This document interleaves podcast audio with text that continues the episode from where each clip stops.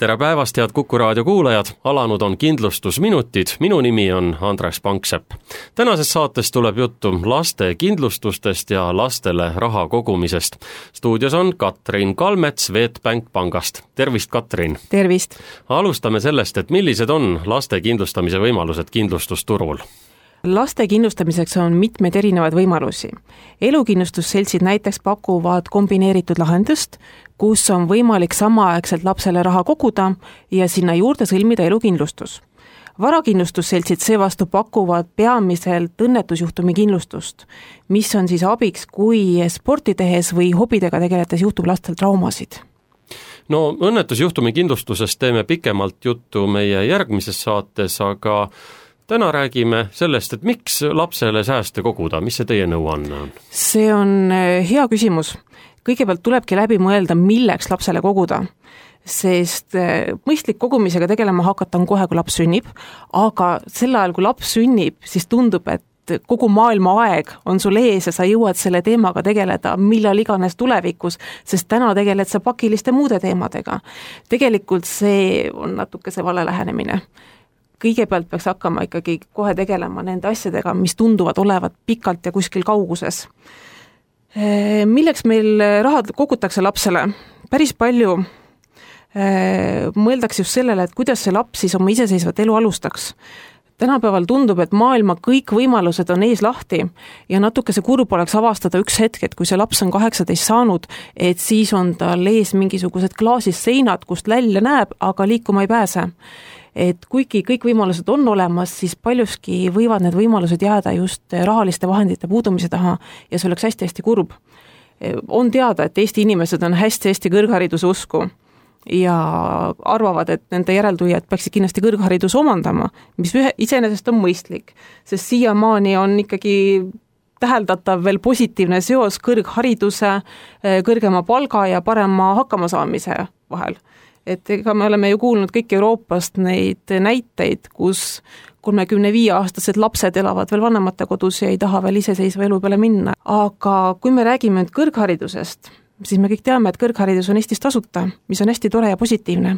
aga mille peale see pisikese lapse vanem, kes arvab, et tema legodest väga keerulisi losse ehitav laps on tulevane insener, mille peale ta veel mõelda ei oska, on see, et olenemata sellest, et kõrgharidus on tasuta, siis on äh, teise linna ülikooli minnes elamisega seotud kulud, mille peale tuleb ikkagi ka mõelda ja kui me vaatasime nüüd äh, tudengite hulgas läbi viidud uuringut, kui palju nad reaalselt kulutavad, siis tudeng kulutab kuus äh, kuskil viiesaja euro kanti. see on päris korralik summa ja enamus sellest läks just elamisega seotud kuludele.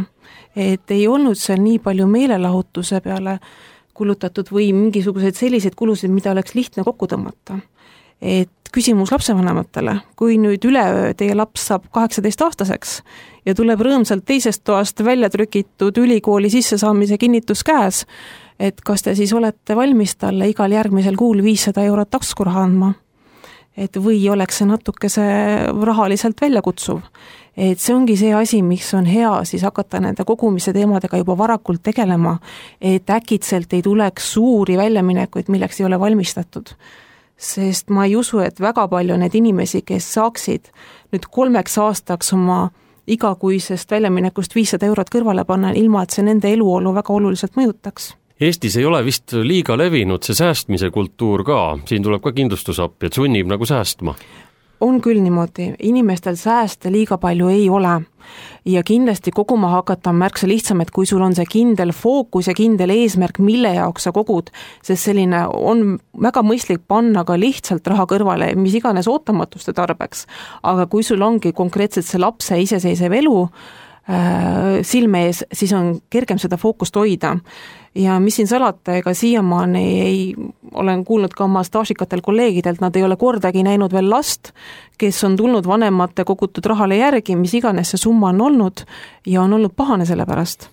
et raha kulutamisega meil üldjuhul probleeme ei ole et milleks iganes see eesmärk siis võib olla, et kas minnakse reisile ja soetatakse oma iseseisev esimene kodu äh, või tõesti minnakse kuskile välismaale õppima no aga räägime täpsemalt, millised on siis populaarsemad kogumishoiused, mõeldes lastele, mis see teie panga kogemus ütleb?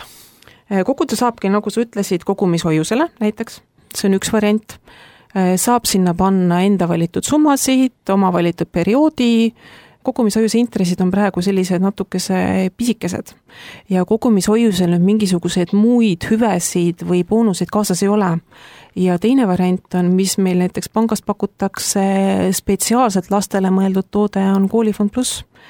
et seal on nüüd ühendatud kogumine ja on ka siis mõned lisaväärtused ja boonused, näiteks elukindlustuskaitse ja garantii. ja kui kogumishoiuse puhul et me paraku ei pääse mööda nendest keerulistest teemadest, et meie elus võib juhtuda ootamatusi, kui lapsevanem peaks ära surema, ennem kui laps on täisealiseks saanud, siis kogumishoiusega sinnapaika see jääb, et nii palju, kui sinna kogutud oli, siis see tõenäoliselt läheb pere igapäevase elu ümberkorraldamiseks ja iga sent kulub ära kui on, räägime koolifondist, siis see on ikkagi mõeldud just lapse iseseisva elu alguseks kapitali kogumiseks. lapsevanema surma korral kindlustusselts maksab sinna lepingusse sisse selle summa, mida lapsevanem oleks ise kokku kogunud, kui see leping oleks kehtinud tema eh, algselt mõeldud lõpptähtajani Eh, summa makstakse lepingusse ja see leping jääb nüüd ootama seda aega, kui laps saab täisealiseks, millal lapsevanem kavatses selle raha talle kasutada anda. Mis tähendab, et olenemata sellest, kas see lapsevanem on parajasti selle noore inimese kõrval või mitte, kui ta oma iseseisvat elu alustab, aga kindlasti see kapital on seal olemas toeks ja mõnevõrra abiks ikkagi. Seda emotsionaalset poolt me loomulikult kompenseerida ei saa, aga mida me teha saame, on natukese siis leevendada neid igapäeva hakkamasaamise muresid. Nii et kui tundub, et see kindlustusleping on keerulisem, siis tegelikult sellega tulevad niisugused lisagarantiid juurde ta on jah, mõnevõrra keerulisem, kui on kogumishoius, aga see tähendabki seda, et sinna on, tulevad juurde need lisaväärtused. tegemist on investeerimisriskiga lepinguga, mis tähendab seda, et inimene, kes sinna lepingusse raha paneb, ise investeerimise spetsialist ei pea olema, ta nii-öelda ostab seda teenust sisse ja mida see võiks anda, on siis seda kaitset äh, inflatsiooni vastu mis on pikaajalise kogumise puhul hästi oluline ja siinkohal ma alati rõhutan ka, kui ma kogumisest räägin, et kindlasti ühtegi pikaajalist lepingut ära unustada ei tohi, neid lepinguid tuleb üle vaadata just selle mõttega, et mis on need maksed, mis sinna tehakse, kas nad on adekvaatsed. kui ma alustasin kogumisega kümme aastat tagasi ja ma panin sinna mõistliku kuumaksega raha, siis kümme aastat hiljem seesama summa kindlasti enam sama väärtust ei kanna et see on hästi-hästi oluline, et neid asju ei tohi ära unustada. Ja elukindlustuskaitse, nagu ma ütlesin, ja pluss see garantii, et tõesti see laps igal juhul selle kapitali saab, mida see lapsevanem koguda plaanis. et need on nüüd need asjad, mille eest tõesti lepingus on tasud mida kogumisel seal ei ole, aga ma usun, et need tasud kaaluvad need lisaväärtused ka ülesse. aga kindlasti ennem, kui tehakse valik, tasub eh, spetsialistiga nõu pidada, eh, küsida üle kõik need küsimused, et midagi ei jääks ebaselgeks ja leida, mis lahendus just konkreetsele inimesele on kõige mõistlikum Katrin, seletage palun lahti, kes siis on lepingus kindlustatud, kas eh, lapse elu ja tervis või, või lapsevanem, kuidas see nagu teie poolt vaadatuna kõige lihtsamalt seletatuna käib? kindlustuslepinguid me sõlmime ikkagi lapsevanematele. lastele tehakse ainult traumade ja õnnetuste kindlustusi, et lapsele elukindlustust ei tehta et lapsevanema elu on kindlustatud ja see ongi siis kindlustuse põhimõtte järgi, et kompenseeritakse perest kadunud sissetulekut ja aidatakse siis taastada mingil määralgi seda õnnetuseelset olukorda, et kus pere saaks võimaluste piirides paremini hakkama kui keeruline või lihtne see kindlustuse nii-öelda garantiidest ja selle lepingu punktidest arusaamine on teie praktikas? kui inimene tuleb teie juurde küsimusega, et tahab taolist lepingut sõlmida, saab ta lihtsalt sellest aru, suudate te talle kiiresti selgeks teha või räägivad ainult rahanumbrid reeglina seal enamusele inimestele kõige selgemat keelt? tingimused on muidugi juriidilises tekstis, mis on korrektselt kirjutatud, aga ei pruugi olla võib-olla kõige lihtsamalt arusaadav. ja sellepärast ongi meil hetkel nõustajatel hästi oluline roll, et nad oskavad lihtsalt vastata nendele küsimustele minu hinnangul see leping nagu ülemäära keeruline ei ole, sest sa ei pea minema kõikidesse, kõikidesse detailidesse, mis äh, seda lepingu ülesehitust puudutavad, aga mida sa pead aru saama, mis kaitset sa sellest lepingust saad? Ja loomulikult see, et kaitsete eest võetakse tasusid. Ja kas need tasud on nüüd mõistlikud, kas sa saad selle eest äh, seda, mida sa tahad, et see on juba igas inimeses endas kinni. Ja kindlasti olenevad ka need võimalustest mis summasid on äh, perel võimalik siin lepingusse panna. kui me räägime kolmeeurosest tasust äh, kuus lepingu kohta, siis kui me mõtleme, et see on kuskil kesklinnas mingisugune peenem kohvi, et see võib-olla ei ole palju, kui ma mõtlen, mida ma selle eest vastu saan, elukindlustuskaitse, juhitud investeeringud, äh, internetis head ülevaated, raportid ja meelerahu kui praegu keegi meie kuulajatest mõtleb oma laste kindlustamisele või lastele raha kogumise alustamisest, kuidas teie soovitus on, millest kõigepealt alustada, tulla teie juurde vestlusele, saada kõigepealt aimu, mis tooted turul on, või mõelda see ise välja alguses ja siis tulla juba konkreetsema sooviga? kui on idee, et tahaks lapsele koguma hakata, siis kindlasti tasub ka küsida. kõiki asju ei pea ise leiutama, mida ma võin öelda, et meil on väga head internetivõimalused hästi palju info, infot on internetis ja internetipankades saadaval ja kindlasti esimese ülevaate saab sealt. pluss alati konsultatsiooniks ei pea tulema ka kontoritesse kohale. ka telefoni teel on võimalik infot saada meie nõustajatelt.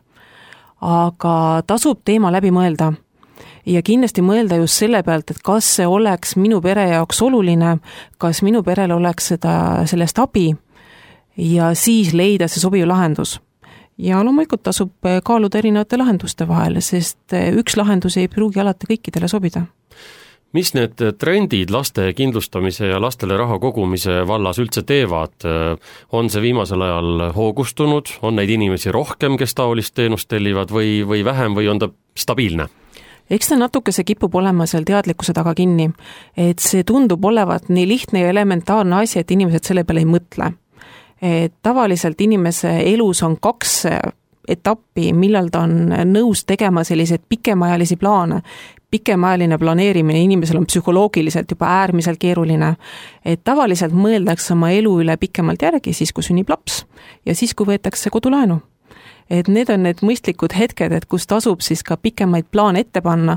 Ja kui on laps pere sündinud, siis minu kindel soovitus on see, et kohe tasub hakata raha kõrvale panema, sest elu odavamaks ei lähe, kunagi ei teki sellist hetke, et mul hakkab nüüd raha üle jääma. et lapse kasvades need kulud ikkagi pigem suurenevad. Ja kui pere on harjunud mingisuguse nii-öelda kulutamisstandardiga, siis seda kokku tõmmata on märkimisväärselt keerulisem, kui panna kohe mingisugune lisaraha kõrvale ja hiljem avastada mõne aja pärast, et oi, mul on siia tekkinud päris korralik kapital. Katrin Kalmet Swedbank pangast, aitäh selle jutuajamise eest. seda palju siis juttu tänastes kindlustusminutites. uus saade eetris jälle nädala pärast, kuulmiseni